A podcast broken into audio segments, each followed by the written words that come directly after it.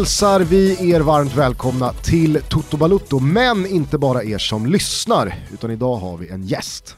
Favoritgäst. Jag blev väldigt glad när jag var uppe i Östersund, man vet ju aldrig riktigt vilka man ska stöta på av kollegorna, men redan på flygplatsen eh, i, ja, på Arlanda så sprang jag på den här killen. Och eh, ja, men det finns något harmoniskt över honom och jag trivs verkligen i ditt sällskap. Eh, varmt välkommen Johan Arning. Stort tack, en ära att få här. Det, det är ju faktiskt så att eh, vi inte riktigt fått till det här eh, på grund av mig. Det är ju mycket jobb och sådär så jag har inte riktigt haft eh, möjlighet de gångerna när jag frågat mig. Så, men, men det är en stor ära att få vara här. Ja, du, är ju, du är ju sannoliken inte någon gammal fotbollsmiljonär som bara ligger och jäser och petar dig i naveln. Det är korrekt. Det är styrelseuppdrag och du kränger hästsperma och kommenterar fotboll. Och... Så, så är det. Hästsperman är ju mitt, eh, oj, mitt, mitt jobb så att eh, min fasta anställning så det är det som, alltså det låter ju värre än vad det är men jag eh, marknadsför eh, säljer jag eh, allt, allt vad det har med registreringar och grejer så det är mycket kontorsjobb det, det är det. Men det är ju fortfarande en hel del fotboll i ditt liv. Ja det är det. Du har söner som lirar? Jag har söner som lirar, eh, alla tre. Jag har en sjuåring, en tioåring och en tolvåring. Som eh, alla tre spelar i Sigtuna IF och eh, där jag är tränare för äldsta grabbens lag. Så Thomas vet vad det handlar om. Det blir mycket träningar, det är mycket helgmatcher. Men det är extremt kul också, man får tillbaka väldigt mycket, inte bara av, av sitt eget barn utan alla i laget som man följer utvecklingen för. Är det ledigt på grabbarnas eh, bröst för spons? Det är det. Det finns möjlighet. Vi har ju premiärat nu i eh, Thomas äldsta dotters lag. Jaha. Eh, det, där står det, de springer runt med Toto Balutto som, coolt som huvudspons. Ja.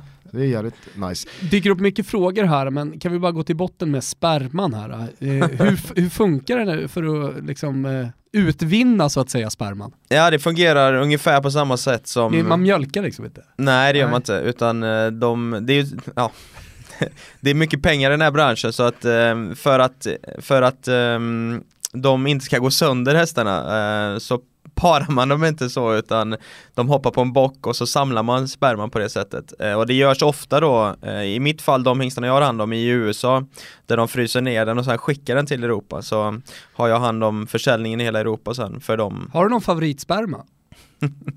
någon, eh, någon blandning? Du tänker att det är typ som såhär Ja, grill, Muscle Hill och grill- ja, men grillglaze. Kronos Nu snackar vi. hickory och mango.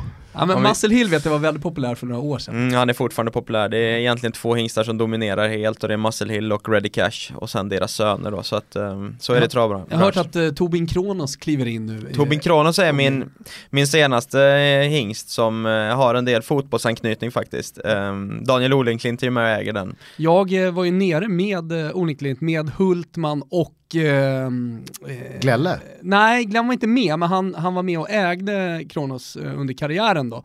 Hur som helst så fick jag ju väldigt eh, starka känslor för de eh, Kronos-hästarna som kom hem till Sverige och började tävla. Ja. Eh, och eh, Tobin då var en av de som det gick bäst för Mm. och sen så körde han eh, derbyt i Rom. Just- Helvete vilka känslor det var. Men du kommer ihåg den resan? Eh, jag- Just Romresan tveksamt, eh, Perugia-resan helt okej. Ja. Men jag tänkte säga det, det var, det var ett roligt efterspel, eller roligt, kanske tråkigt efterspel, men det var ett efterspel. För att loppet blev så att Tobin Kronos bara, alltså normalt sett, skulle vinna. Det, loppet passade honom perfekt, men det hände inget när han tryckte på. Och då spekulerades det i om han då hade blivit eh, förgiftad. Alltså, mm, mycket spekulationer i. Italien. Ja. Eh, han vann försöket till det här derbyt och sen i derbyt så var han stor favorit och blev fyra men Problemet var att han underpresterade rejält och var sjuk den dagen så att det var det var väl det som spelade ner, jag tror inte det var någon förgiftning nej. Ja, jag, jag säger att det var någonting där i, i fodret alltså. Hur det än gick i det loppet så kan vi i alla fall konstatera att du har ett bättre track record inom hästsvängen än vad jag och Thomas har. Vi har Ja. två av två döda. ja det är inte ju bra. sjukt va? Hur fan kan ni misslyckas så? Ja, jag, jag vet inte. Jag säga att vi gjorde väldigt lite. Men när man har haft två döda av två möjliga, då är det långt till att ge sig in i en tredje Även det. fast du har Mm. försökt eh, trycka på och sagt att jag har, Jag har, jag har, en, jag har en bra deal här, men eh, ja, två av är det två inte så att vi ändå är lite intresserade nu? Kan vi inte, kan vi inte säga det ändå? Ja, alltså, Kolla på en häst igen. Absolut, Ja. ska jag göra. Och sen försäkrar vi den ordentligt, jag tror det är nyckeln om ni ska vara med på det, att, eh, att det blir bra försäkrat. kan, vi, exakt, Mm. kan man slänga in då att den ska heta Toto Balutto? Det kan man göra. Ja. För det skulle ju absolut bättra på chanserna för att vi skulle då vinnas över till eh, the Så länge- dark side igen. Så länge det inte finns någon annan häst som heter så, så är det, och jag tror inte det gör det, jag har aldrig sett någon sån. Så Nej. att eh, det kan vi lösa. Det är ju som sagt inte bara hästsperma utan det är också en hel del fotboll utöver knattefotbollen i Sigtuna. Du är expertkommentator på Discoverys kanaler. Stämmer? Uppskattad sådan. Jag måste säga, och nu får väl folk tro att jag är hur mycket jäv i målet som helst, men jag tycker fan att du är en av Sveriges absolut bästa. Tycker du det? Ja, det Okej. tycker jag verkligen. Riktigt kul att höra. Tack. Vad säger du Thomas? Jag håller med och jag tyckte länge, eh, innan eh, jag eh, liksom verkligen började jobba på, på Discovery, alltså när Johan redan hade gjort inträde och så som jag tycker också det har utvecklats. Gilla röst, röst är viktigt, alltså man, man glömmer bort det där lite. Självklart ska du vara en duktig expert och se saker och ting. Men det är ändå lite sekundärt alltså. Röst är, Mm, röst är är viktigt. jävligt viktigt. Och kunna uttrycka sig. Och där, där, tyck, där håller jag Johan eh, i absolut topp. Därför är det ju kul att eh, Discovery har köpt då rättigheterna för eh, allsvenskan, vad det lider. Och hopp- förhoppningsvis så kommer det in där. Ja, det är ju en förhoppning. Eller går det med Djurgårdskopplingar och allt? Du tänker på att jag sitter i styrelsen i Ja. Djurgårdens IF eh, fotboll. Eh, det blir nog svårt eh, att kommentera fotboll samtidigt som jag sitter i styrelsen men eh, än så länge så kommenterar jag inte fotboll i Allsvenskan och det fungerar det bra. Okej. Så att vi får ta det därifrån. Nej, men jag måste säga det, här under de senaste två åren så är det klart att det har varit lätt att fastna vid då Discoverys värvningar av Anders Svensson och senare Kim Källström som studioexpert respektive expertkommentator. Men jag tycker att eh, liksom, ser man till, till hantverket, ser man till utfört arbete, ser man till expertkommentering, alltså då, jag tycker att du är överlägsen. Tycker du? otro- ja, jag tycker verkligen det. Otroligt bra. Ja, Det- det ska du väldigt ha. kul att höra. Det ska du ha. Tack. Eh, vi brukar inleda våra gästavsnitt med en faktaruta. För en vecka sedan ungefär så skickade vi ut på Twitter att eh, vi skulle uppskatta lite hjälp med att då eventuellt revidera faktarutan för att den börjar kännas, inte dålig, men den börjar kännas ganska gjord och några frågor är bättre än andra och sådär. Men herregud kan jag säga, våra lyssnare gillar jag i många avseenden. Men förslagen på frågor som skulle in i den här faktarutan, Det var många, fan, det var fan också. under all kritik vad Ja. det var för nivå alltså. Ja, dagens eh, gulasch till exempel? våra lyssnare. Nej men det är, alltså, du, du vill inte ens veta. Okej. Det är liksom Det är allt från kuklängd till eh, Meningen med livet meningen med livet och carpe diem och allt möjligt. Ja, så att eh, jag tycker vi, eh, vi låter den gamla beprövade faktarutan göra jobbet i, i alla fall ett avsnitt till. Eh, fullständigt namn, Bo, Johan, Peter, Arning. fick du höra det av eh, superbossarna? Nej, nej inte, inte så, nej. Däremot så har ju alltid Bo varit ett namn som jag skämts för. Det är efter min, min far som heter Bo, det är väl så ofta så det blir tror jag. Men det var min mamma som verkligen ville att det skulle vara tre namn och Bo var väl givet då eftersom min pappa hette så. Men det är alltid ett namn som jag har känt sådär, fan det är inget man skyltar med liksom. Har du fått lida också av att det då står först och att folk tror Ja, det att du det. heter Bo? Nej men ofta när man har varit ute och, på, på resor och sådär så har det blivit Bo Arning bara för de har tagit, alltså utomlands så tar de första bara sådär så att eh, Italien kör de mycket Bo.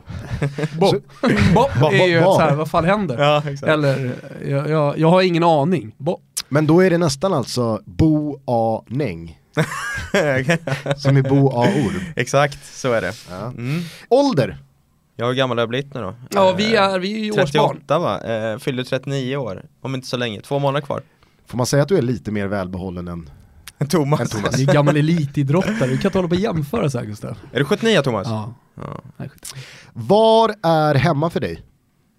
Eh, hemma är Sigtuna nu Annars är det ju, måste vi väl ändå kunna konstatera, Uddevallas enda bidrag till liksom, fotbollseliten. Eller det? ha, det, har ni några fler att stoltsera med? Oj Eh, Kan inte vara. Jag vet att Martin Dahlin, eh, född i Uddevalla i alla fall Eh, Men jag är dålig på vilka som kommer därifrån och har spelat på elitnivå Det vet jag inte men Nej, Uddevalla bodde jag fram tills jag var 10 år så jag är född och uppvuxen där eh, så Men jag känner inte det som hemma ändå liksom utan Vi flyttade till Värmland, min mamma var från Värmland upp till Sunne och eh, gick högstadiet där Flyttade vidare till Degerfors så att jag är liksom Efter det varit, varit runt och i Stockholm och jag varit i Norge och Italien och sådär så jag jag har, har väl väldigt lätt för att anpassa mig och trivs väldigt bra på dit jag kommer. Men Sigtuna är ju hemma. Det är Men där... Sig- Sigtuna, ni är ett gäng där.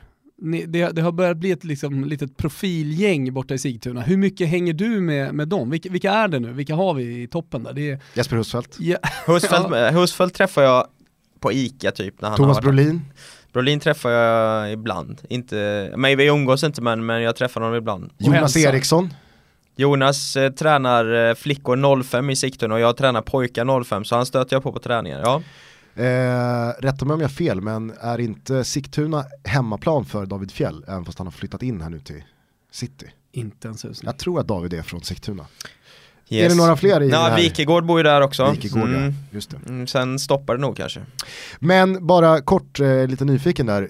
Du låter ganska prestigelös kring att du eventuellt då är Uddevallas enda bidrag till eh, elitfotbolls-Sverige. Ja, extremt Du har aldrig varit nära att knalla in på kommunfullmäktige med någon motion att så här, varför har ni inte gjort mer kring Johan En Arning? byst, Och den här karriären. Nej det har jag faktiskt aldrig ens tänkt på Gusten, så nej Skulle du beskriva dig själv som ödmjuk?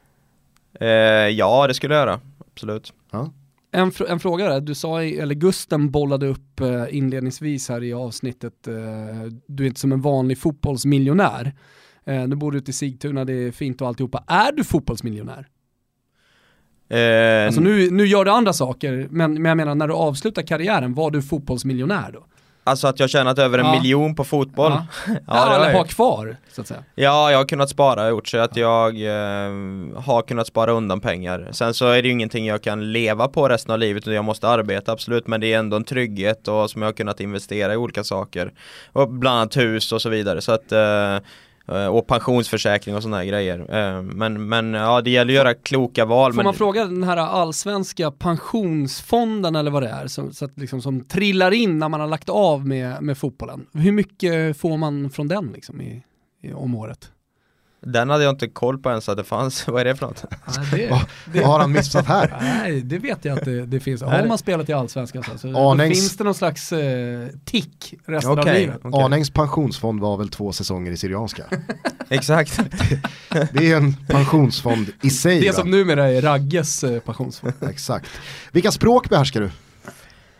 Jag behärskar svenska, eh, engelska, lite tyska, behärskar italienska ganska bra. Ehm, och sen så förstår jag alla former av dialekter i Norge. Ja, det känns som att alla du gör. borde sitta inne på en ganska så bra norska. Ja, jag pratar ju inte norska men eh, jag förstår ju som sagt all, eh, alltså hela Norge vad de, för det kan vara ganska svårt på olika ställen. Ja. Men dialekter är någonting som jag faktiskt är intresserad av, även svenska så att eh, Men du bjöd alltså aldrig till och, och flörtade lite med norsk dialekt eller jag testar norskan här i eh, intervjuer utan du körde svenska. jag körde svenska, däremot så Du körde ingen Hasse Ja, men- Backe-variant. Ja men man lägger ju alltid till något ord sådär som är svårt för verb. Ja, vilket är egentligen onödigt men man tror att man hjälper dem lite grann. Eh, Jag tror att norskan har ju väldigt mycket lättare för svenska än vad vi har för, för norska. Eh, Dels för att de har haft svensk tv genom alla år och eh, de har varit mer intresserade av Sverige än vad vi har varit någon, av Norge av någon anledning. Så att ehm, så är det Jag tänkte bara säga det, eh, jag såg intervju med Tarik El Younousi Mm. efter derbyt. Eh, och du har sett någon intervju tidigare, men jävlar vad han har lagt på sig bra svenska. Han gjorde det Ja, han körde i stort sett hela intervjun eh, fläckfri svenska. Och det gjorde han inte för två veckor sedan, då körde han bara norska rakt ut. mm. Roliga var att han körde norska pregame. Ja, det var det han gjorde kanske. Han Det var körde inte ens norska två pregame. veckor utan han körde norska pregame. Och sen Sämst. körde han svenska efter ja. Och det var samma, jag såg en intervju med Fredrik Ulvestad på eh, DIF TV där och eh, ja, han hade lagt till med mycket svenska. Eh, ja, ja. ja. Vi har mycket norska lyssnare, shoutout. Är du, eh, är du stor i Norge? Nej det skulle jag inte säga. Är du totalt bortglömd? Nej det skulle Är jag du inte en säga. meningslös parentes i tippeligan? Någonstans Men mitt var, emellan var där. är du, eh, det som man brukar säga, framförallt då i de, eh, de latinska länderna, men eh, det här med att man, man betalar inte för en måltid. Man, man går liksom gratis på restaurangerna, var är du närmast där? Södertälje tror jag. Telekebab. Ja, jag tror jag skulle kunna få en billigare Ja, kebab det, det, det är ju inte rabatt eller liksom kompispris utan det är ju fortfarande en avbetalning på Arnängs monsterkontrakt. Livslång avbetalning. Du har faktiskt en poäng där Gusten. Ja, okej. Har du någon egen ramsa? Nej, det tror jag inte. Nej. Inte vad jag vet, som jag kommer ihåg nu, nej. Hur skulle du säga att ditt eftermäle är i Djurgården? Bra. Eh, jo men det är väldigt bra, jag menar jag hade mina bästa år i karriären där. Eh, För det känns ju, eh, hoppas du inte tar illa upp, men det känns ju som att andra spelare från de åren har med tiden etsat sig fast som spelarna man kanske mer pratar om än Johan Arning. Ja, men det stämmer säkert. Det finns ju några spelare under den tiden som hade större namn än mig, eh, absolut, och har spelat i större klubbar så att det det är väl inget jättekonstigt, sen så tror jag ändå att de, det är många som uppskattar det jag gjorde för, eh, för klubben och de åren vi hade tillsammans. Och vi är ju tillsammans nu också eftersom jag sitter i styrelsen men under min karriär då så är väl de åren som ehm, var några av mina bästa ja. Men jag pratade med min eh, svärfar här för någon vecka sedan som är eh, stor djurgårdare, haft eh, säsongskort eh, sedan barnsben. Om just de åren, jag vet inte hur vi kom in på det, eh, men då frågade jag honom så här, vem, vem håller du högst från, från eh, liksom, eh, SM-guldåren och, och alltihopa? Då, då nämnde han dig. Då Mm. sa han liksom Johan Arning. Okej. Och känslan är att det är så här, de, nu kanske låter lite lökigt så här, men de som kan fotboll sådär, minns kanske dina Ja det är kul att höra.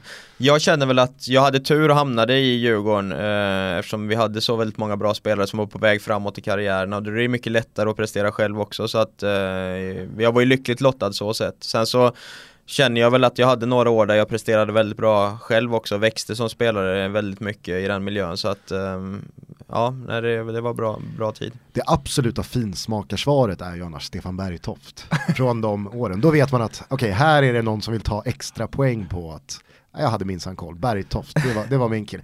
Han gjorde inte så många matcher va, men oj oj oj, Bergtoft. Bertolt var fin, ja. Bra, Verkligen. bra kille att ha i laget kan jag säga. Vilket eller vilka lag håller du på? Ja, alltså i Sverige är det ju Djurgården då som, som alla vet. Sen så eh, håller jag ju på Roma, eh, precis som du Gusten. Det är ju någonting som jag fått med mig sedan jag var i Italien. Någonting speciellt med den där klubben som jag verkligen gillar och eh, har följt dem ehm, ja, egentligen sedan dess. Eh, och nu är det även så att ena, min ena son är väldigt förtjust i Roma så vi har varit där några gånger på stadion och liksom Höll han sig vaken? Den gången gjorde han det. det, det gjorde han dock inte när vi var i Madrid och kollade på Real mot Schalke, då somnade han i förlängningen där eller vad det var. Och då ska man ju säga att precis, alltså det var ju en otrolig match. Mm. Det var ju inte någon sömnig, det, Det är det inte. avgjort med 40 minuter kvar utan det var ju gastkramande. Ja, och din son, trött, vad hette alltså. vad hette han? Melker. Melker, Ja. han slaggar in. Ja, nej jag fick bära, bära han ut från Bernabéu och det, han, han blev trött helt enkelt och då, då hjälpte det ingenting utan hur, hur, hur spännande det än var så, så ville han bara vila. Dyraste slaggen hittills. Ja det får man säga, det var, han missade en del där. Men han fick ju reda på hur det blev dagen efter så att det var okej. Men låt oss backa bandet då, för du nämner ju att eh, du som sagt har varit i Italien som fotbollsspelare. Du gick till Empoli Mm. som 19-åring, Ja, jag eh, skulle väl fylla 18 va, var det inte så? 18. Ja, eh, jag var där nere när jag var 17 och provtränade på vintern. Eh, Kan du inte bara ta oss tillbaka till dess? Hur hamnar man där? Vem var det som... På eh, den tiden var det inte lika vanligt, Nej. idag ser vi ganska många unga Mm. spelare som, som tar sig till de olika akademierna runt om i Europa. Men, Nej och det var ju inte heller så att du tillhörde Malmö FF eller IFK Göteborg Nej. eller AIK eller Djurgården i, Sto- i Sverige utan Stämmer, och saken var den att jag spelade Degerfors IF då och eh, vi hade gjort det väldigt bra, det juniorlaget sådär så att eh, det var väl en anledning att klubben ville hjälpa, hjälpa till lite när de fick förfrågan från eh, eh, en agent som då gick via Sven-Göran Erikssons exfru eh, och letade spelare, skandinaviska spelare så fick Degerfors IF frågan om de ville släppa ner några på, på provspel dit. Pratar En vi- kedja ändå. pratar vi, Eh, hela vägen dit. pratar vi. Nancy? Nej, inte Nancy. Jag har inte namnet nu men jag, ja, eh, exfru i alla fall, svensk exfru som eh, då hjälpte till med den kontakten och eh, på den vägen så hamnade vi där nere och provtränade i två veckor. Och när jag kom hem därifrån så, så ville de helt enkelt skriva kontrakt då. Mm. Så att, ja det är långskott liksom men det var egentligen för att vi hade presterat bra som Degerfors IF ville ge oss en, liksom, en möjlighet att, att se någonting annat än Degerfors och, och sen så fick jag ett kontraktförslag. Och när det lades på bordet, kändes det självklart då att som nybakad 18-åring sticka och lämna Nej, familj och vänner? Och... Nej det gjorde det inte, det var inte helt självklart men samtidigt så var det en sån möjlighet, en sån chans eh, så att jag kände väl att eh, nej det måste man ju ta. Eh, men det är klart att man bröt ju upp från allt vad trygghet var och flyttade ner till Italien som, som Thomas vet är på den tiden ännu mer kaos än vad det var idag liksom sådär så att men jag, jag kände, nej det var liksom Jag säger att, nej det är klart man fick tänka men Den möjligheten kunde man inte tacka nej till så, så var det. Som har fostrat många bra fotbollsspelare också, det, den tiden du var där, hade du några några som sedermera eh, gick upp i Serie A. Eh, ja det fanns det, Marco Marchionni är väl den som har eh, i det juniorlaget som jag spelade i Också som, 79 Också 79 som var från Rom, utanför Rom där och eh, sen gick vidare till, spela Juventus bland annat Fiorentina. Parma. Parma jag vann ett tag. Um, Uh, sen hade vi Sanchez Kribari som var i Lazio och Napoli. Uh, Nästan ännu smalare än Bergtoft Ja det var han, ruskigt smal, lång mittback, uh, riktigt riktigt bra spelare syntes, syntes Han hade en bror som spelade i A-laget också som, som eftersom Sanchez då var med, med oss i, i juniorlaget så, och hans brorsa spelade i, i A-laget så var det en bra fotbollsfamilj där. Sen hade vi Eh, Vincenzo Grella om ni kommer ihåg han, mm. australienare som spelar landslaget en hel del. Um, Men det var ett bra Primavera-lag, ni nådde ju framgångar. Vi vann, eh, vi vann hela Scudetton det året, så att det var en stor grej. Eh, det är ju mäktigt ändå att sitta på en Scudetto även om det är Primavera. Alltså jag, nu, nu följer man ju idag med internet ja, och sociala medier och alltihopa så är det mycket lättare att följa Primavera-lagen om man vet att de inbitna supportrarna hemma i Sverige till mm. de olika lagen, de, de, går gärna in och kollar på Coppa Carnevale, Viareggio-turneringen Viareggio. och, och, när slutspelet Primaveran börjar så, så går de man in och liksom ja, skriver om kör det. Kör de slutspel fortfarande?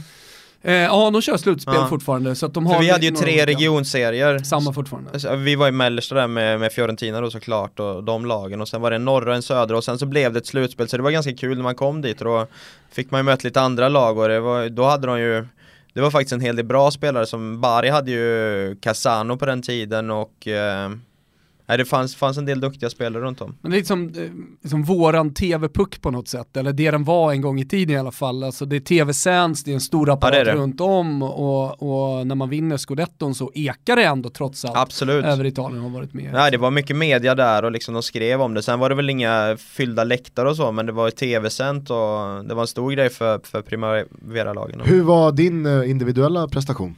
Ja men det var bra, jag fick ju spelar spela både, jag spelade forward på den tiden faktiskt. Så att jag spelade antingen mittforward eller kantforward. Eh, och sen så blev jag ju att jag gick längre och längre ner i banan ju äldre jag blev. Men eh, nej den var bra eh, och det var ju det var ju lite så här att eh, antingen stanna kvar i Italien eller eh, efter, för efter, eh, efter slutspelet med Primera då var det, var det slut, då var det semester sen efter det men då var det ju snack om antingen eh, att jag skulle bli utlånad då till ett eh, lag i, i C, B, Serie C eller flytta utomlands då eh, och då blev jag utlånad till en norsk klubb sen.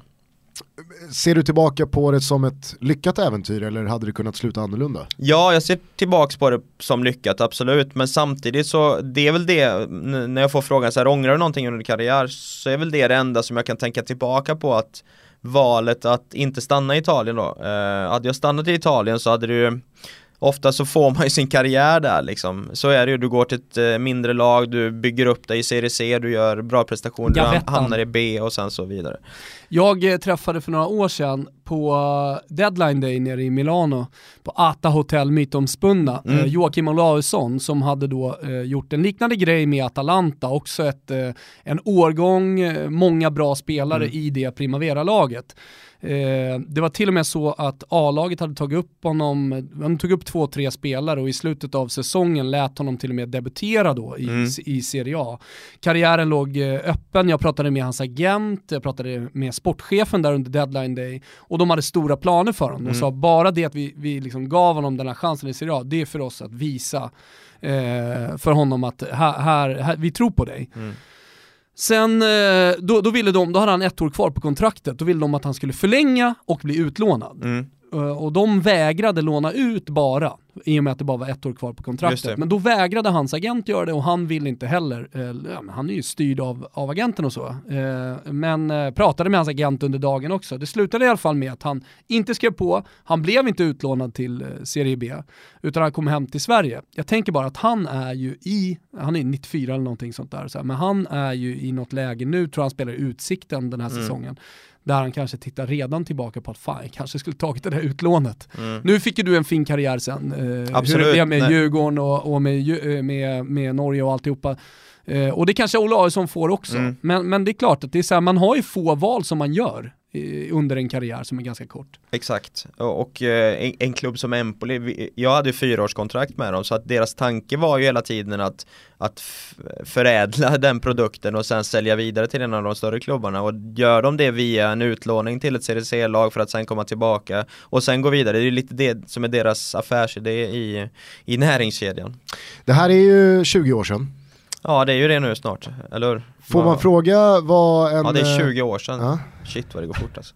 Får man fråga vad en 18-åring som kritar ett fyraårskontrakt med Empoli tänkt att spela Primavera fotboll första säsongen, vad, vad, tjänar, vad tjänar en sån kille? Jag hade 20 000 ut första året. Eh, Netto i månaden? Ja, plus att jag fick lägenhet, bil, mat, allting sånt betalt så att eh, Uh, det är 20 000 i fickpengar så att säga, Exakt, det är ju inga, det är ju inget, liksom inget superpengar men det är ändå liksom Du klarar dig bra på det. Uh, plus att jag hade, hade en höjning så att det var 30-40 tusen sen. Det här är ju 20 år sedan så det, men uh, det var ju ett bra första kontrakt där nere ändå för, för en ung spelare. Inga, alltså inga, syri inga syrianska pengar? Det är... Vad menar du nu? 40, 40 ut, vad fan det är väl bra i allsvenskan? Ja, Helt, är det en snittlön? Ja, herregud. Mm, idag. Vill du addera något lag till uh, den skara du supportar? Eller är det Djurgården och Roma? Ja men alltså Någonstans så blir ju jag en supporter av de klubbarna jag spelat i, så är det ju. Eh, absolut, både Vålränga och Ålesund i Norge. Eh, och Raufoss för den delen, även om eh, de inte är på samma höjder som, som de andra. Men Empoli följer du inte så? Jag följer dem inte jättehårt, det gör jag inte. De kan vi väl räkna in i Serie A? Det kan vi garanterat göra. De det är det enda laget som vi kan räkna in. De studsar ju upp och ner. Upp och ner, upp och ner. Vi är sponsrade av Academic Work och detta gör oss återigen väldigt glada. Mm, ja, det är härligt. Eh, jag gillar framgångsrika företag och det här osar ju framgång om Academic Work som nu har satt upp skyhöga mål för framtiden och ska anställa account managers på 11 platser, alltså 11 städer runt om i Sverige. Från Luleå i norr ner till Malmö i söder, eller hur Gusten? Yes, och rekryteringsperioden är öppen. Starten för de här rollerna är i augusti. Och ni som har lyssnat på Toto Balutto här nu senaste månaden ungefär vet ju att Academic Work verkligen har eh, målat upp bilden, dels mm. av sig mm. själva men också av dig som de söker. Ja men sig själva som vi sa inledningsvis också, det, det är ett framgångsrikt företag, men de de sätter sig inte bara ner och är nöjda över hur det ser ut, utan de blickar såklart mot framtiden och nya framgångar, större framgångar. För att nå dit så behöver de just dig som är vad då? Jo, en vinnarskalle i grunden har vi förstått, eller hur Gustav? Yes. Man behöver heller inte ha någon specifik utbildning, utan det viktiga när man söker den här rollen hos Academic Work är personlighet. Man ska vara driven, man ska vara ambitiös och man ska gilla att hela tiden nå framgång och att utvecklas. Det gör ju ingenting om man då tidigare har varit aktiv inom idrotten.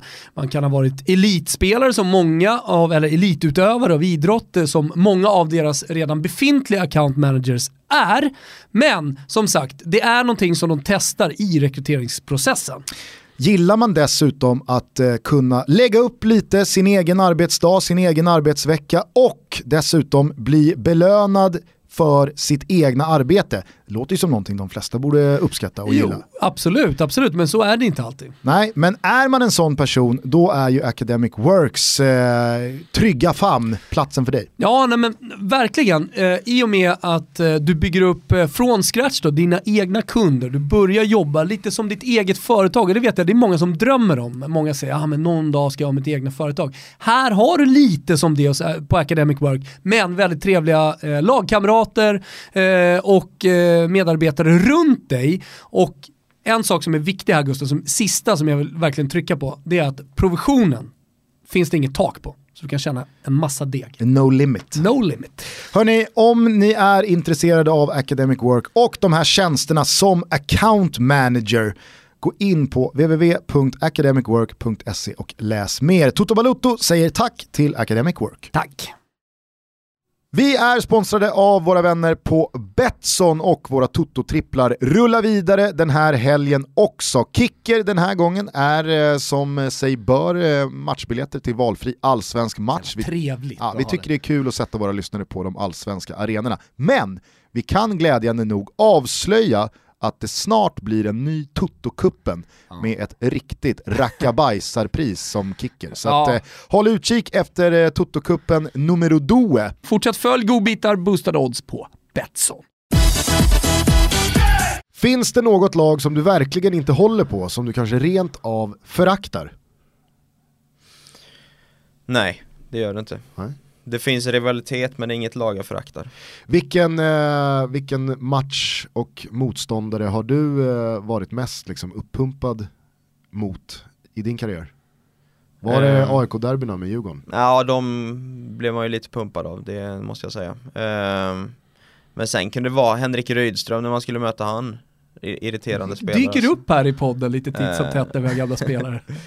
Men vi har en bra relation idag så det är inget, det är inget konstigt. Men det är eh, bara som ett exempel, det vi, fanns ju vissa spelare som man kunde, kunde irritera sig på. Ehm, så. Mats Rubart. Nej, det var ingen fara. Hur tror du eh, spelare minns dig från plan? Med värme eller var du en tror jag inte. irriterande jävel? Jag tror jag var en irriterande jävel ja. Ja. Tror, Tuggar du mycket också? Nej, inte så mycket tugg, det tycker jag inte men eh, däremot så gick jag ju inte undan så mycket närkamper och sånt. Eh, jag tog ju något gult kort eh, sådär ibland. Eh, men jag är inte, jag skäms inte för någonting jag gjort så att eh, jag tycker ändå jag har försökt spela schysst. Favoritspelare genom alla tider?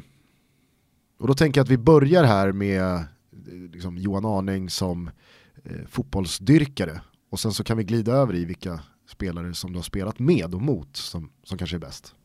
Just det.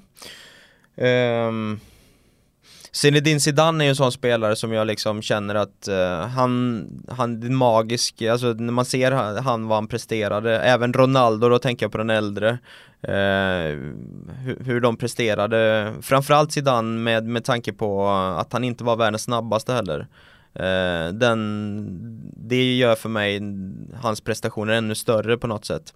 Sen så är ju Totti en av anledningarna till att jag eh, håller på Rom också, hans karriär där liksom det är sådana saker som, som eh, man blir imponerad av. Ändå ganska sena eh, spelare du nämner. Ja från början var det ju Maradona, Maradona är ju en sån som när jag var liten så, eller när vi var små i alla fall jag och Thomas då Så var ju inte det, ska du bli bäst i, ska du bli bäst i fotboll? Nej, nej du ska, ska du bli Maradona så sa man då Så att det, det var ju liksom det som var bäst i världen Det där är fan Maradona. bra uttryckt. För när du säger det så får jag som liksom en, en nostalginock. Alltså, eh, jag, jag, just det här, jag ska bli Maradona. Mm. Det var verkligen någonting, säger man så idag om spelare? Nej. Jag ska bli Messi Nej, jag ska bli, det det, tror jag kanske inte. man får fråga kids. Men han, han var så solklar nummer ett alltså så att eh, Eh, bästa spelare du har spelat med då? Som jag har spelat med säger jag Kim Källström. Också väldigt komplett spelare, hade ett fokus på att bli bäst och tränade för det varje dag.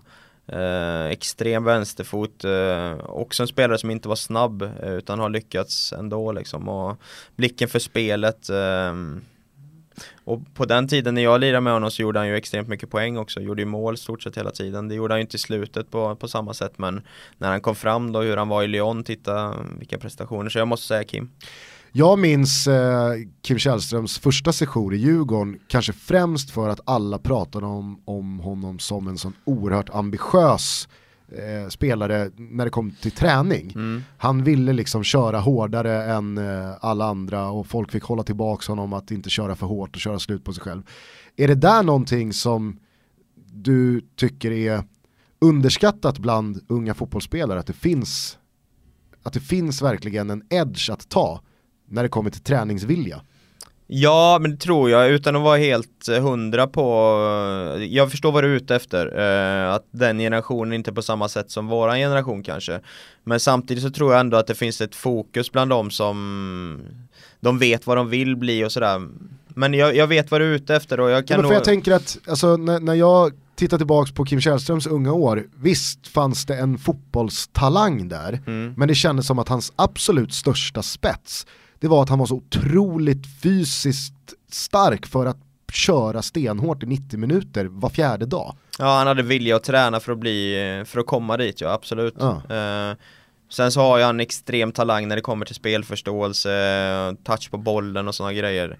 Eh, så att det är ju det är inte bara en träningsprodukt även om man vill få det dit. Eller, även på den tiden jag spelade ihop med Kim så, så var det ju en, ett argument att det var en träningsprodukt Kim Källström. Och visst han har lagt ner extremt mycket tid men, men talangen går ju inte att se bort ifrån. Eh, vem är den bästa du har spelat mot då? Oj, eh, Är det Rydström? Irriterande och jävligt bra. Ja, nej, han var duktig, eh, Rydström absolut, men inte, inte alls på den nivån som Pavel Nedved skulle jag säga är den bästa jag mött. När mötte du honom? Ja, det var ju Champions League. Ja, alltså. vi mötte honom i Champions League-kvalet där och eh, jag vet inte om man gjorde sin bästa match då, men om man, om, jag har i alla fall spelat mot honom en gång. Eh, och tittar man på hur eh, bra han var under den perioden, eh, Europas bästa mittfältare, så, så är väl det han som jag skulle ta fram som den bästa jag Det mött. var under de matcherna som Djurgårdssupportrarna tryckte upp t-shirtarna eh, Ciao pizzaiolo, siamo dif. Som pizzabagaren vid DIF. Det här var alltså sensommaren 2005, Djurgården skulle Champions League-kvala, fick Juventus, leder med 2-0 på Del Alpi. 2004 var det va? 2004 kanske var det? Nej, det var väl fan 2005, var det inte det? Älskar Augusta stå på sig och ställa Ja. fel.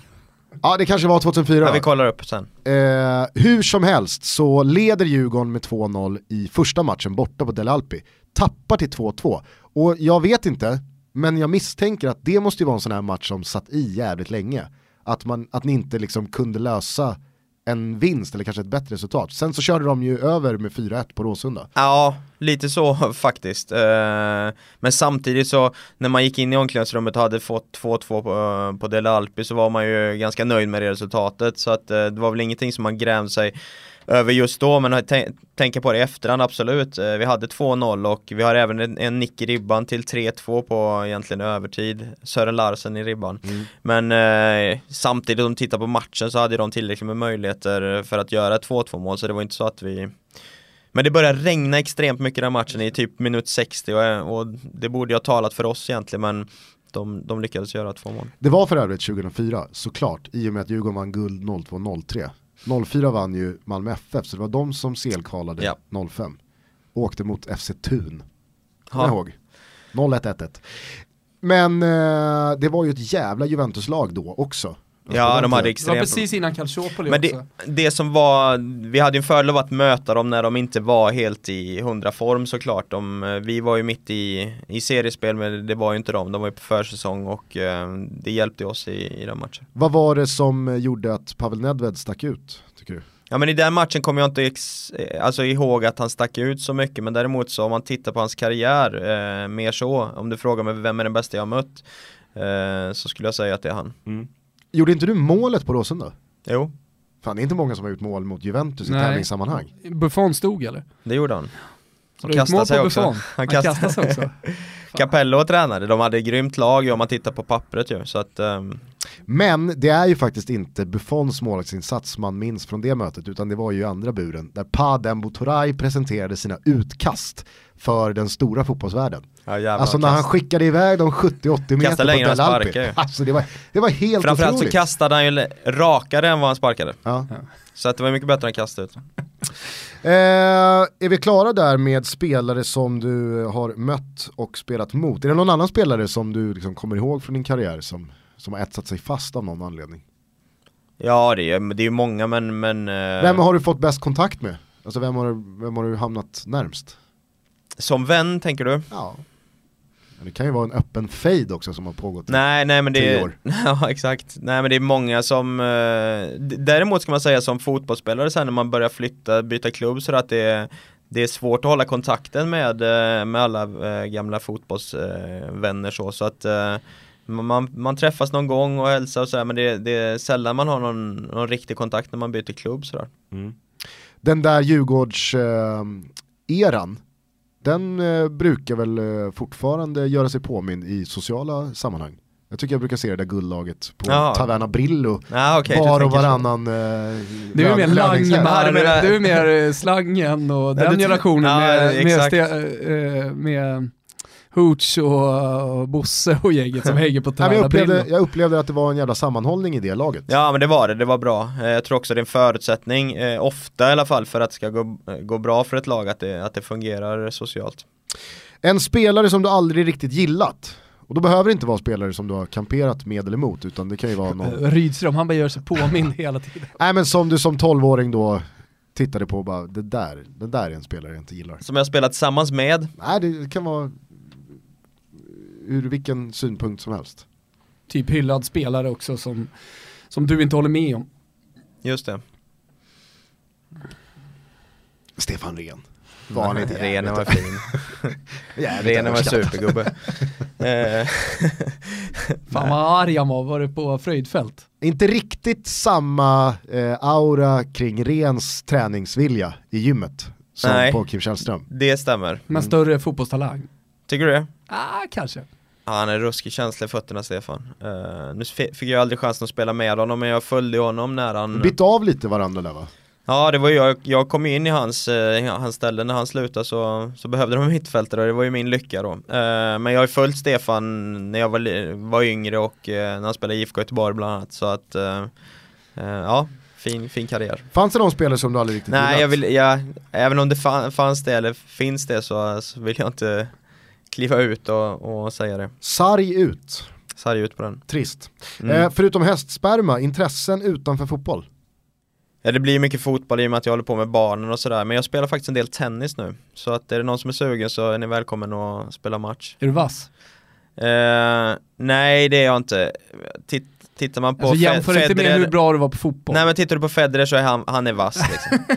Men eh, jag har faktiskt börjat lära mig lite grann nu. Jag är så här- Jävla tekniksport ju. det är ju det, jag är ju såhär streetspelare liksom så att jag gör ju mycket fel, alltså jag har en serve som inte är utav denna värld. Men den går in ibland så men Jag måste lära mig hur man servar och eh, bäcken är ju dåligt alltså, andra server är fruktansvärt men jag, jag gillar det, jag började spela, eller återuppta någon slags gammal tenniskarriär eh, förra året när jag och Ja. Gusten skulle gå ner i vikt tänkte jag, jag måste göra någonting kul också. Eh, och så har jag min goda vän i Rönning, Uffe, som, eh, som är, ah, han är, han är vass på, på tennis och spelar fortfarande någon slags seniortour och sådana Mm. grejer. Så att, då, då spelar jag med honom.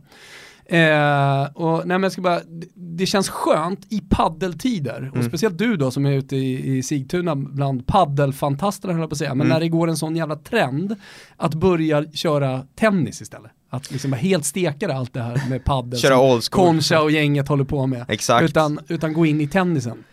Ja, Så eh, kanske, kanske ska vi köra du lite då? Eh, ja men som jag sa, jag tog upp det förra året. Så, att jag, så jag, du spelar regelbundet nu? eh, nu har det varit en inomhussäsong och vi har inomhusbanor men jag har inte kört någonting. Men under sommaren, absolut. Kör du inomhus? eller? Har du Ja. stående Jag tid? älskar att du Nej, berättar men- vilka faciliteter som finns. Men jag har inte kört. Men, gru, grus alltså gillar du? Ja, älskar grus. Mm. Ska vi ta Jag en match? Bättre på grus än på hardcourt. Eh, gärna, Mm. Mm. Sigtuna har fina banor, de har det. kommer du dit? Ja, jag kommer gärna dit. Men är det Det är liksom på deal. nivå att du kan börja hosta upp två lax per lektion för att putsa på serven? Nej, nej. eller, eh, Nej, jag kan inte betala för någonting. När jag har fått betalt ett helt liv för att, för att idrotta så kan jag inte gå in och betala någon. Är det så? Nej jag måste slip, slipa på det själv alltså, jag tror inte det finns eh, jag, kan, jag kan få något tips av någon så här, men tänk på det här liksom Men jag ställer mig inte och tar några lektioner det gör.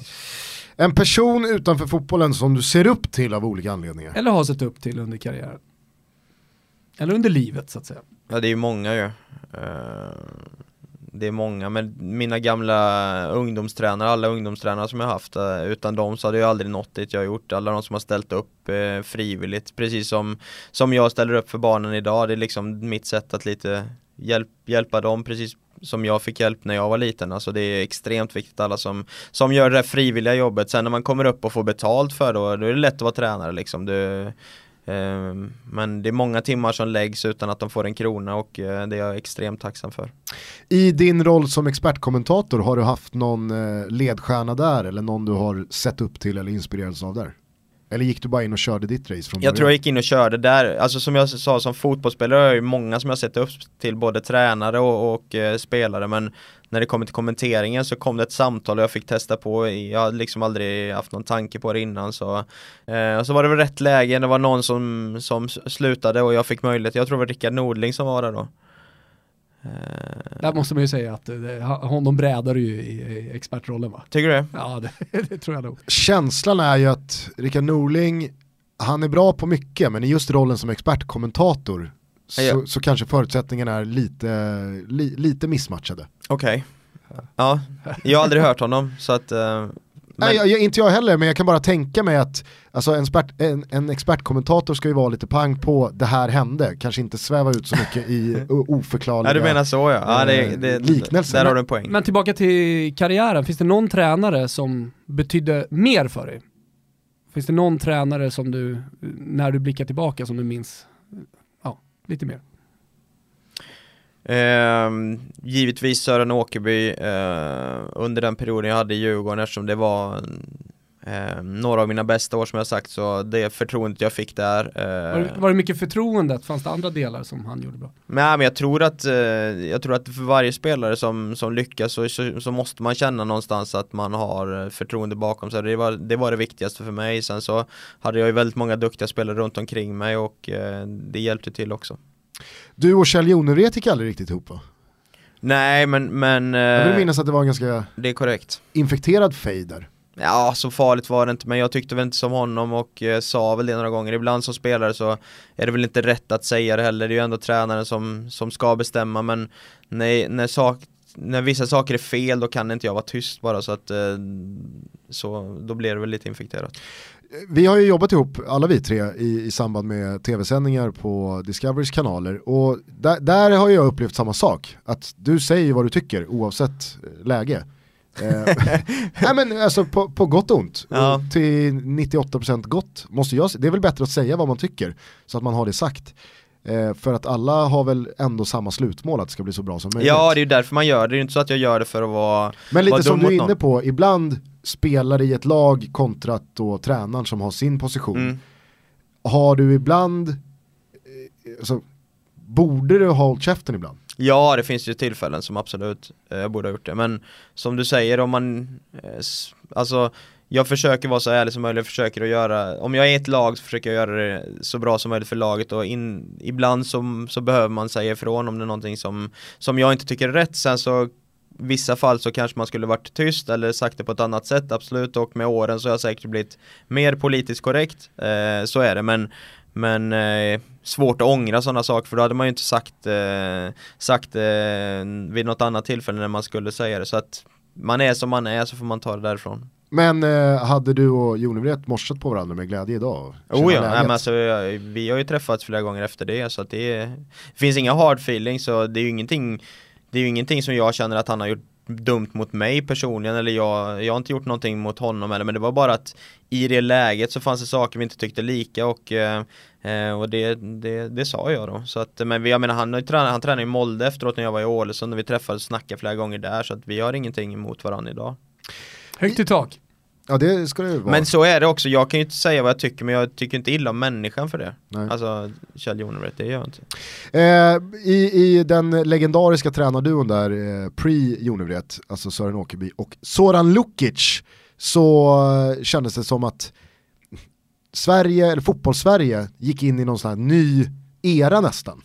Ja men det var ju många lag som skulle börja träna som Djurgården. Framförallt så hade ju Djurgården, alltså Djurgården var ju först då med den manualen. Alltså så här spelar Djurgården, det fanns liksom en perm att i varje given situation så ställer vi upp så här och man pratade väldigt mycket i siffror. Du spelade väl i nummer 6-rollen va, eller nummer 8-rollen.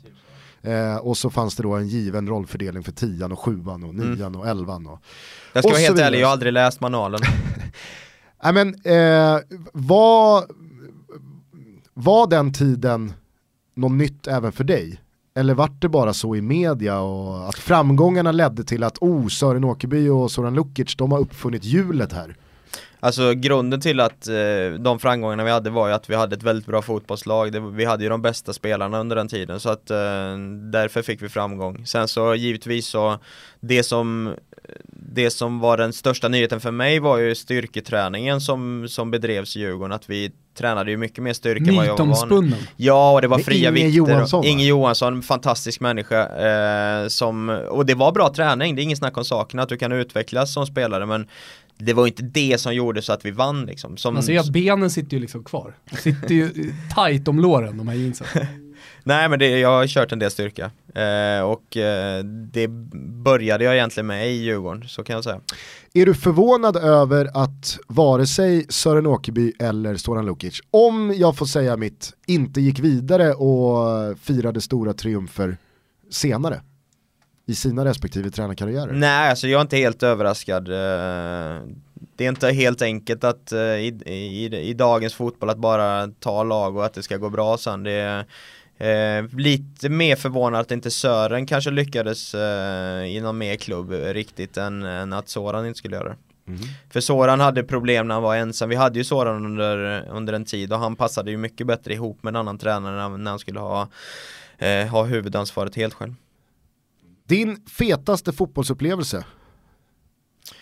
Eh, jo men det måste jag väl säga är matcherna mot Juventus. Eh, eh, såklart också när vi vann SM-guld och de åren men, men matcherna mot Juventus om du ska ta fram något speciellt så är det väl det. När den lotten föll, var det yes, fan vad kul att möta Juventus eller var man besviken för att nu blir det tufft att nå gruppen? Nej det var nog mer att eh, det var kul. Sen, det är klart att man hade velat ha ett enklare motstånd för att det ska finnas en möjlighet. Vi visste ju att med, med Juventus på lotten så var det ju extremt små chanser. Eh, men eh, jag tror att det var ändå en, eh, när man såg det så var det ändå mest upplevelsen eh, som eh, man fick ta det som det var och eh, en, en härlig upplevelse. Du har ju gjort en del plats, eller du har gjort en del matcher på plats i jobbet som kommentator här senaste åren. Mm. Vilken match sticker ut där? Jag kan säga så här, om man, om man vill gå på en match eh, Det här kommer inte vara den största matchen för er så, men Dortmund-Schalke är en sån match som, som sitter fast i minnet för mig. För att stämningen som var på stadion där, det är ju ett derby då, i, i ett Ruhr-derby och eh, fantastisk stämning, det var bättre, än, bättre tryck än på någon match. Ja, sen har jag varit på Polen-Tyskland också, när Polen var med 2-0 i Warszawa det var också en sån här match som alltså, trycket som var där är helt sinnessjukt och det har ju mycket med historien att göra, Polen, Tyskland Att de aldrig hade slagit dem i, i, en, i en tävlingsmatch sen, jag vet inte hur långt tillbaka och så vinner Polen med 2-0 Mot tyskarna som var världsmästare och allt det där men, men stämningen som var i Warszawa den, alltså sinnessjuk Alltså vi fick ju smaka eh, verkligen lite på den stämningen, men bara Sverige-Polen U21 på en arena med 15 000. Sverige-England. Nej, Sverige-Polen. Jaha. Du var inte kvar då?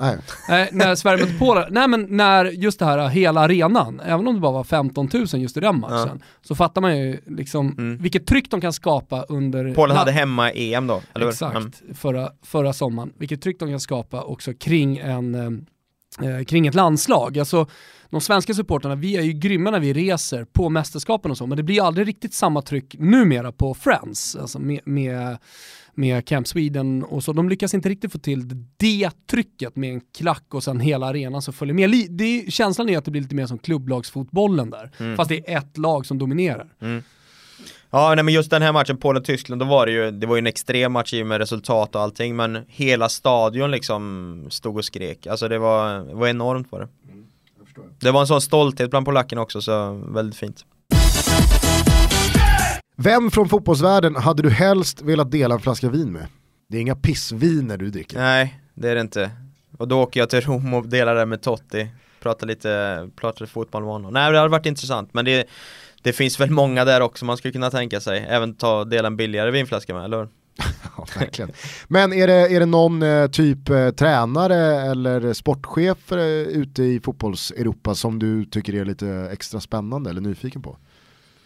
Sportchefer har jag inte superkoll på, det kan jag inte säga. Ehm, Martin Åslund, eh, han vurmar ju väldigt mycket för eh, Sarri, Napolis tränare. Ja, Ja just det, han har varit i Empoli precis. Så vi har ju en, vi har en koppling där jag och han Han kanske känner dig som Bo, Ja exakt, Bo Arneg Bo Arnink.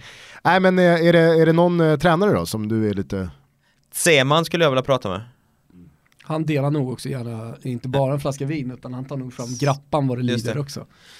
Eh, och det är nog, jag känner lite på Sema, jag tänkte på honom här om veckan, han fick sparken, det var någon månad sedan, men han fick sparken från Pescara igen, eh, lyckades inte där. Eh, det har känts som att efter Roma tycker jag, när han gjorde Ritorno och, och fick ändå ganska stort ansvar, en stor, eller jättestort ansvar en stor klubb eh, sent i karriären. När det var klart så kände jag att nej fan nu är det nog över. Nu har han tagit Pescara till, eh, till Serie A, han har gjort Roma, eh, men han har då hängt kvar. Tanken är att han röker två paket röda Prins ja. utan filter varje dag så, så känner jag att fan, den där, den där flaskan den ska man nog försöka ta snart alltså. Ja. Att, eh, det... Nej, jag, jag har sån jävla vibe på att Seman kommer bli så här 102. Nej, min morfar rökte ju John Silver utan filter eh, och han blev ju alltså, ja, 80 någonting. Så, så att, eh, ja, vissa hänger ju kvar trots allt. Annars vet jag, det känns verkligen som en waste i form av att slå sig ner med en flaska vin, för det känns inte som att man, man hade haft den roligaste kvällen. Men, rätta mig om jag har fel, du känns ju som en av få som följer tysk fotboll, som är lite så här kejsaren är naken-läge på Nagelsmann. Ja, När alla har ryckts med i Nagelsmann-hysterin ja. så känns det som att du har varit, vänta här nu, vi får nog ge det ett par år. Angående hans eh, tränarkunskaper? Ja, eller att han ska vara liksom eh, the one. The one och tysk fotbolls framtid och... Eh, ja, både ja och nej. Alltså jag måste ju också imponeras av hans, eh, av hans karriär och vad han har gjort. Eh, kom in liksom som, var han, 27-28 år till eh, Hoffenheim och det han, har, det han har gjort med dem är ju fantastiskt så att, eh, men absolut man det, det kommer många unga tränare så han är inte, bara, han är inte den enda men eh, extremt eh, duktig det han gör det måste jag säga. För vi pratade om det för några avsnitt sedan att det finns ju ibland som lite vi var inne på där med i Italien, att man kanske bara ska hoppa på för att ge sig själv chansen att bygga det därifrån. Mm. Alltså, det är ju inte speciellt länge sedan det pratades om Arsenal, eh, PSG, Bayern München, Dortmund. Nu så känns det som att det börjar tillsättas de där jobben med andra namn. Mm. Och vad ska det bli av Nagelsmann? Ska han köra på två säsonger till i Hoffenheim? Kanske Vilket inte går så bra. Vilket är paradoxalt på ett sätt att säga på grund av att han är så ung Självklart. och har jättelångt kvar. Men hade han liksom, fuck it, nu finns läget att ta Bayern München. Mm som du är inne på med, med Snuffe och Soran, mm. att har du ett jävligt bra fotbollslag så kommer du nog nå ganska stora framgångar också. Ja, problemet blir väl om man tar då eh, eh Werder Bremen och så, så lyckas han inte utan de åker ur, det, det blir ja. en dålig session och då måste han ju börja göra en gavetta. Men har det inte alltså- legat i korten att han ska ta Bayern München eller? Jo fast nu ser ju det ut att bli Kovacs. Exakt, så att eh, någonting har hänt på vägen där. Ja, eh. och kanske hade det då, alltså hade Nagelsmann så här, jag signar, Mm. Jag kör Bayern München från i somras eller förra sommaren eller i vintras eller när Ancelotti fick gå mm. tidigt i höstas. Alltså då hade ju Nagelsmann med största sannolikhet på två år skaffat sig två Bundesliga-titlar, någon kupptitel och kanske tagit dem till en Champions League-final. Då har han ju det att falla tillbaka på i tio års tid. Om inte framgången konkret kommer här nu, närmsta året eller två åren, vad ska det då bli av Nagelsmann? Ja, nej men en, du har en poäng där.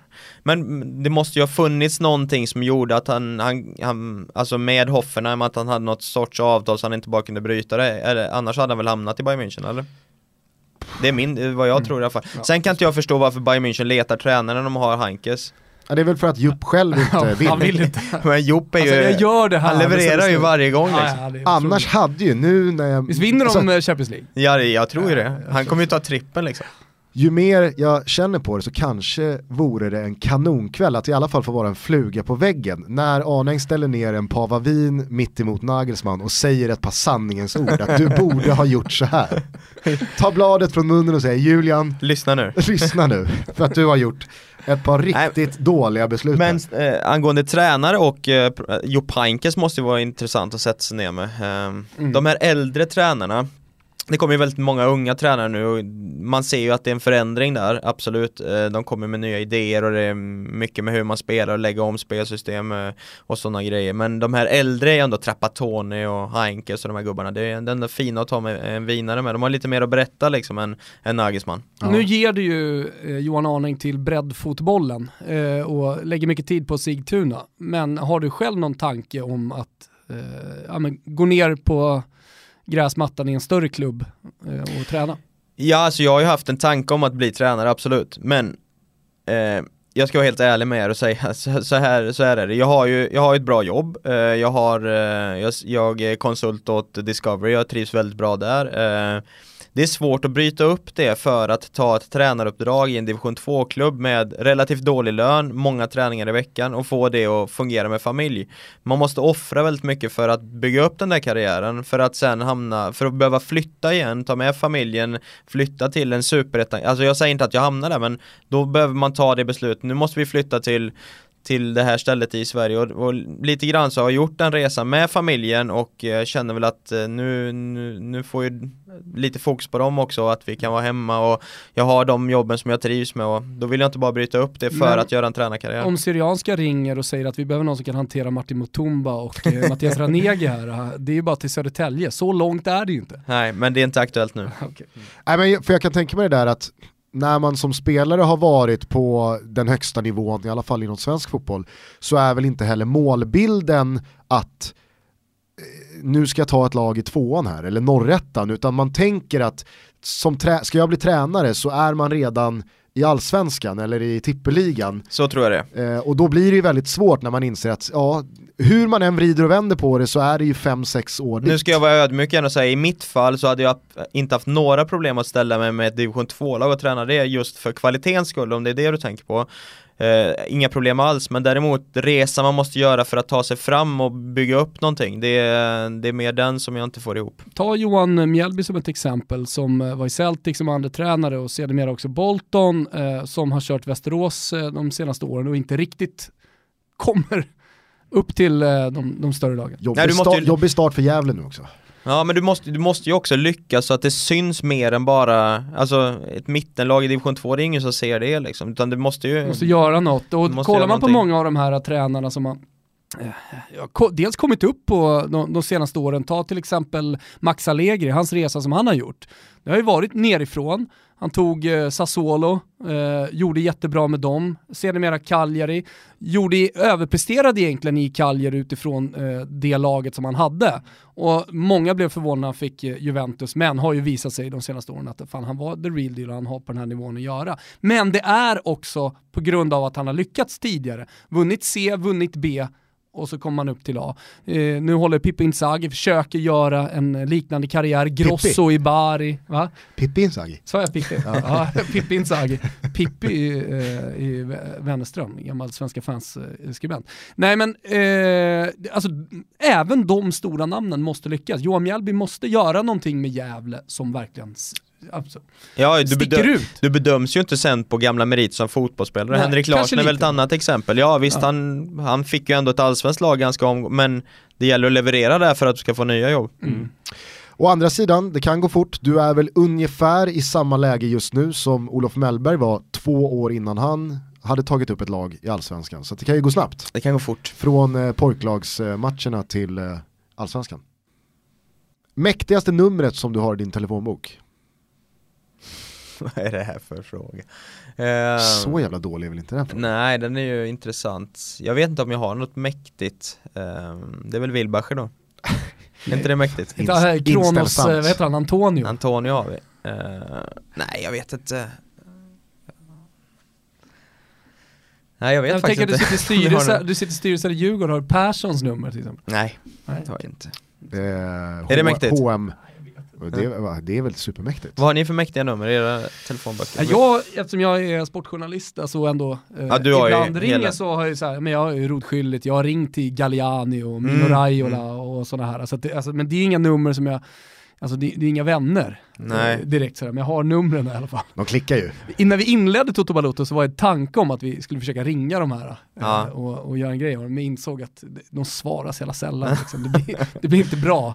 Och jag har gjort några samtal till Mino Raiola eh, i direktsändning på Expressen också som har varit direkt jobbiga att kolla på. Sen är det ju svårt tycker jag att gradera makt. Alltså vad, vad, är en mäktig person? Är det i form av vad man har uträttat och sitt, eh, sin renommé och sitt eh, liksom eftermäle eller är det vad någon faktiskt kan åstadkomma ja. och, och, göra med sin person? Alltså där till exempel, Olof Lund är en jävla mäktig människa just för att han är i den positionen han är. Mm.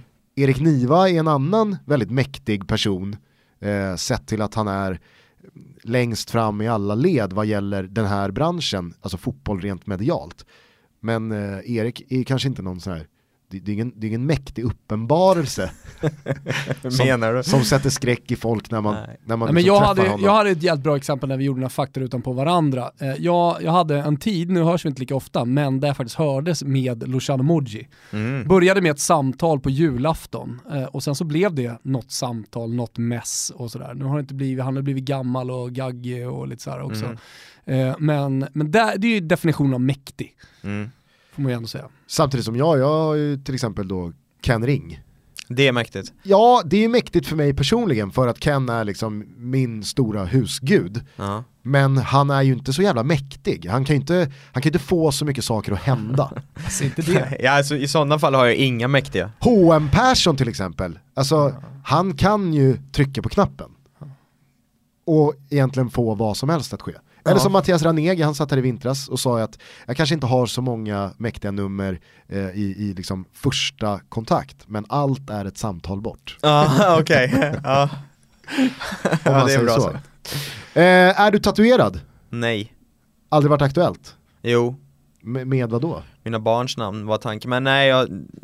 Nej, det blev aldrig så och jag... Är du glad idag att du, att du höll dig? Nej, jag hade väl säkert tyckt det varit bra men jag känner inte att jag saknar det heller. Var någonstans på kroppen var tanken? Eh, underarm. Jag skulle säga att det var bra att du, Att jag inte att gjorde du det. la band på dig själv. Ja. Snyggaste fotbollströjan genom tiderna? Alltså du tänker ett årtal eller bara vilken, vilken klubb? Du får resonera högt. Ehm, jag skulle säga att Romas tröja ofta är väldigt, väldigt vacker. Ja. Absolut. Sen så har det funnits högt och lågt. Ja där. det har det, i vissa år extremt eh, lågt. Nej, men Kappa-året håller jag högt när Totti hade långt hår. Mm. Verkligen. Masta. Mitten eh, 2000-tal. Ja. Barilla, Barilla också, det är, Ja men det är ju länge sedan. ja, men det var fina, fina tröjor. Ja. Eh, vilken är den snyggaste tröja du har spelat i? Nej det måste ju vara ju Djurgårdens tröja, någon, eh, någon vi hade där. Tyvärr Inte så spelade ju du kaffeknappen. knaff, kaffeknappen, Ja. Ja, inte hela tiden va? Nej, sen så var det ju den här eh, Adidas, liksom den här jävligt moderna 2000-tals eh, inspirerade med så här spräckliga ränder. Kommer du ihåg den? Nej, jag kommer inte ens ihåg den. Jo, fan. Ni hade det, alltså det var inte hela ränder utan de gick så här och så var de lite, Slutar de, de de, de fejdade Ah, ut okej. mot varandra. Och så var det mer, eh, Ja men blårandigt är snyggt, eh, det måste jag säga. ja. Mm. eh, en match som du skulle vilja se men som du ännu inte har sett. Eh, ja, eh, det finns det några. Eh, bland annat derbyt i Skottland, där hade jag velat se. Old Eh, Firm. Old Firm. Den hade jag velat se, sen så finns det väl, jag har inte sett Roma-Lazio heller, en sån match som jag skulle vilja se. Ja. Sista frågan då, om du inte får svara Messi eller Cristiano Ronaldo, vem skulle du säga är världens bästa fotbollsspelare så här på vårkanten 2018? Den är svår, för de sticker ju ut såklart, men eh, Nej den är väldigt svår, jag skulle säga Det finns ett gäng där som är väldigt bra och nu kommer jag Jag, jag tycker att Salah sen han lämnade Roma har, har utvecklats enormt mycket Ja. Eh, En sån spelare som, som är med där så att eh, han kan få lite cred av mig Ja, det var nog inte många som trodde att han lämnade Roma för att gå och bli skyttekung i Premier League. Och Nej. göra 30 plus mål i Premier League. Och... Nu Ja, vet det jag att- några. Nu vet jag att ni har haft en diskussion om eh, hans målskytt och allting men eh, Han har ju alltid producerat väldigt mycket målchanser utan att göra mål Mm. Så man- också, alltså, un- om man går tillbaka och kollar Fiorentina-tiden när allting tog fart, mm. Han blev utlånad från Chelsea och vidare, om man kollar på säsong för säsong så har han alltid gjort ändå som ytterforward eller Mm. yttermittfältare Exakt. där han, har, där han har befunnit sig så har han för rollen alltid producerat extremt mycket poäng. Mm. Eh, på tal om eh, anfallare och målskyttar, om vi på något sätt ska beröra Djurgården 2018 som du alltså sitter i, i styrelsen för. Mm. Eh, vad skulle du säga att vi kan förvänta oss av det här Djurgården över en hel säsong? Det var ju väldigt mycket klackar i taket efter eh, kuppresan fram till finalen och sen premiären borta mot Östersund där man vinner med 1-0 och man ser ut som typ eh, Sakis Milan defensivt. Sen så har det ju börjat knaka lite eh, i alla fall resultatmässigt. Men eh, vad, vad, vad har du för känsla kring eh, Djurgården av i år? Får jag bara säga en sak där som en liten disclaimer mm. personligen, så tycker jag att man förtjänar betydligt mycket mer mot Trelleborg och sen är ett derby derbyt. Så det, det, finns ju lite att ta på när man ska, när man ska då analysera de senaste ja, veckorna. Och då kan vi väl säga då för protokollet att det här spelas in innan omgång fyra, mm. alltså Malmö hemma och resterande Exakt. matcher.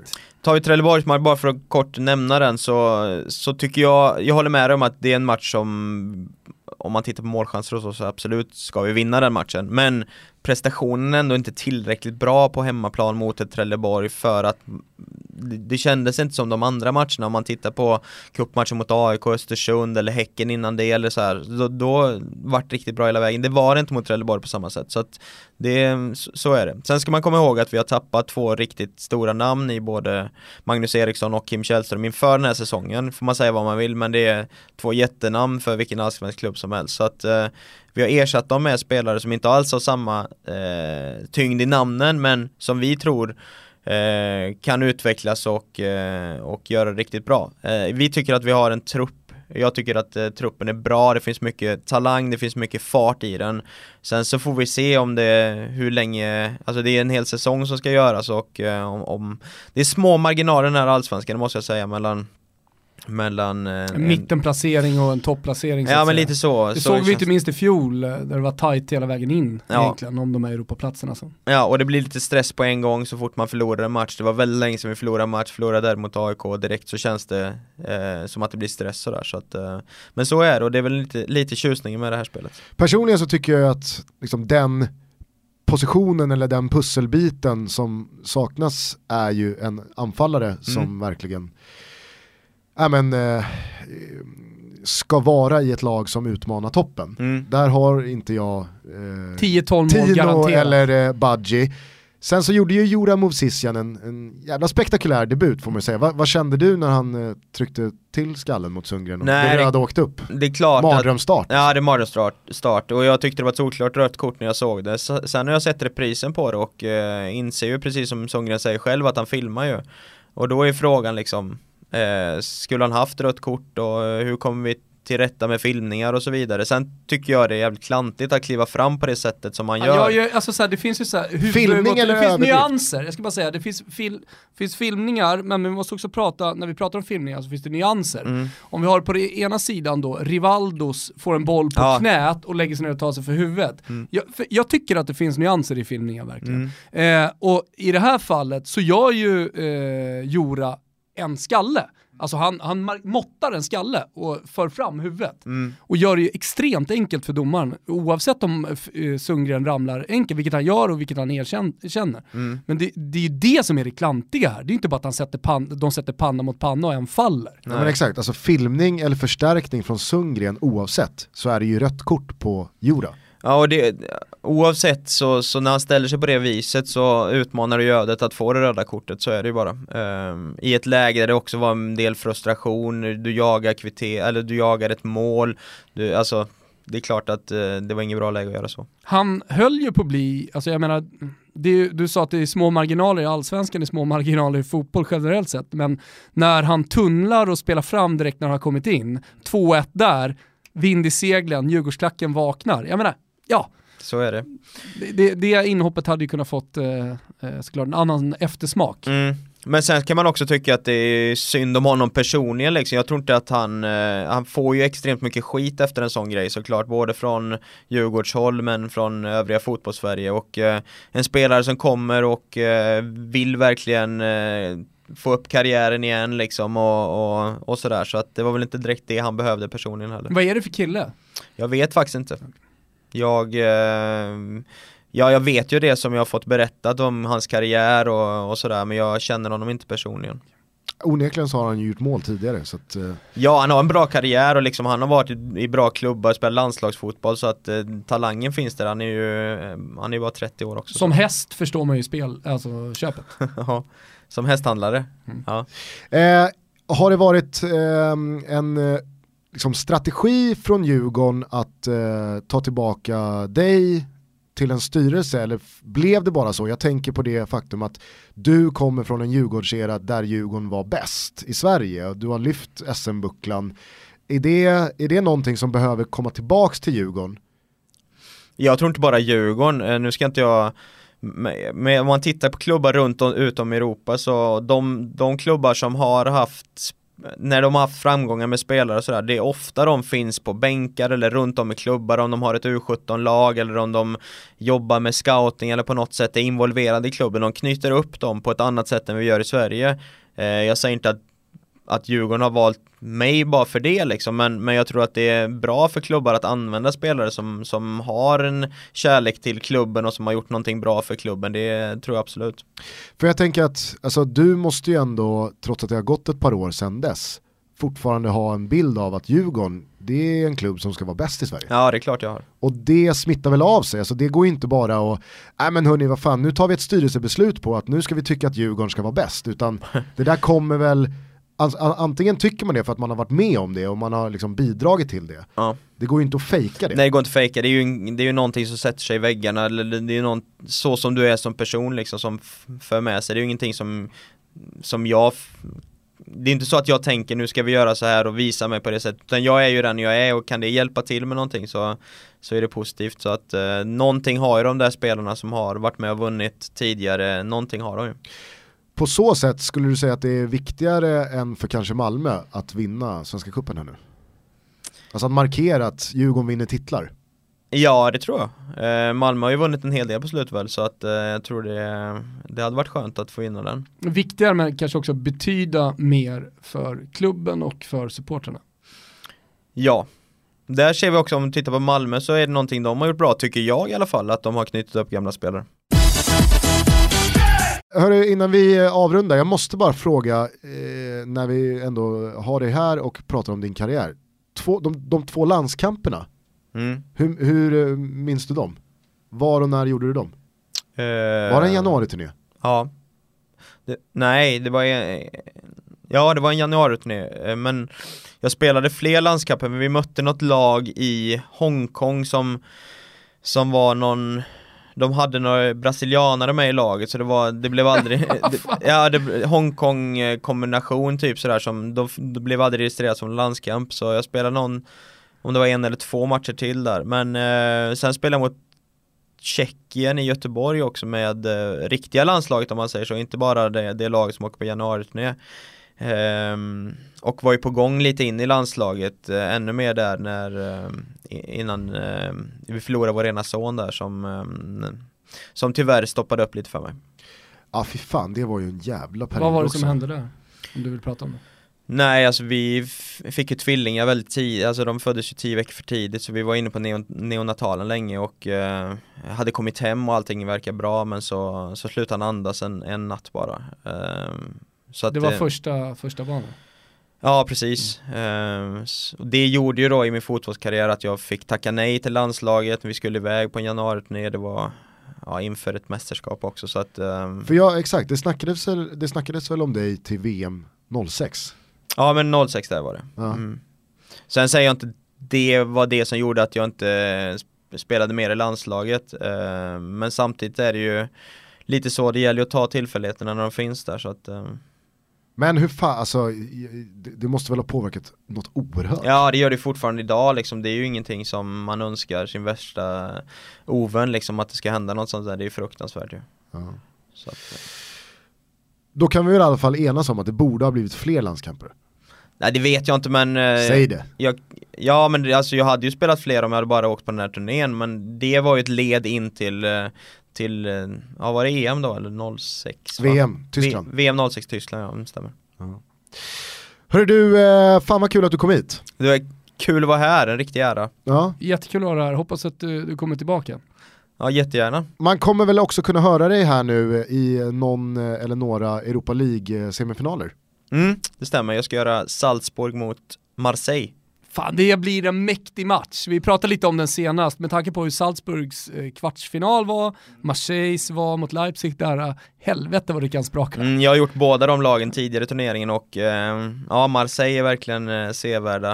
Eh, även Salzburg absolut, men Marseille har känt, det känns som de, någonting extra med pajetter. Mm. Sen är vi långt ner på lämplighetsskalan, men vill Discovery ha den bästa expertkommentatorn på plats till Europa League-finalen, då ska man ju gå på Johan Arning-spåret. Ja, och, och, inte den välmeriterade Anders Hansson. det, det, tycker jag ja. i alla fall. Eh, här får man tycka. Ja, ja, ja. här säger man precis vad man, vad man tycker och tänker. Som alla gäster så får du avsluta med en valfri låt. Svårt att sätta musiksmak på. Är det det? Ja, men ja, jo, det är det nog. Eh. Martin Åslund, han chockade ju alla med att välja någon grunge från 90-talet. Eh, sådär. Ja. Jag väljer The Boxer med Simon and Garfunkel. Oj, vilken... Eh... Ja, 79 val ändå. La, la, la. Fan vad härligt. Stort tack till Johan Arning, fortsätt lyssna på Toto Balutto eh, och ha en eh, fortsatt eh, härlig vecka. Ciao tutti. Ciao tutti. I am just a poor boy, though my story is seldom told. I squandered my resistance for a pocket full of mumbles, such are promises. All lies and jest, still a man hears what he wants to hear and disregards the rest.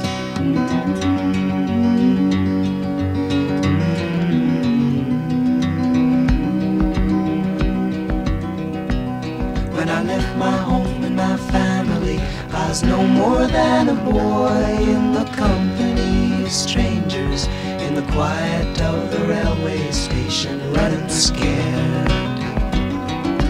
laying low, seeking out the poorer quarters where the ragged people go, looking for the places only they would know. La la la, la la la la la la la la la. La la la la la la la la la la Asking only workmen's wages. I come looking for a job but I get no offers. Just to come on from the wars on 7th Avenue. I do declare there were times when I was so lonesome I took some comfort there. La la la la la la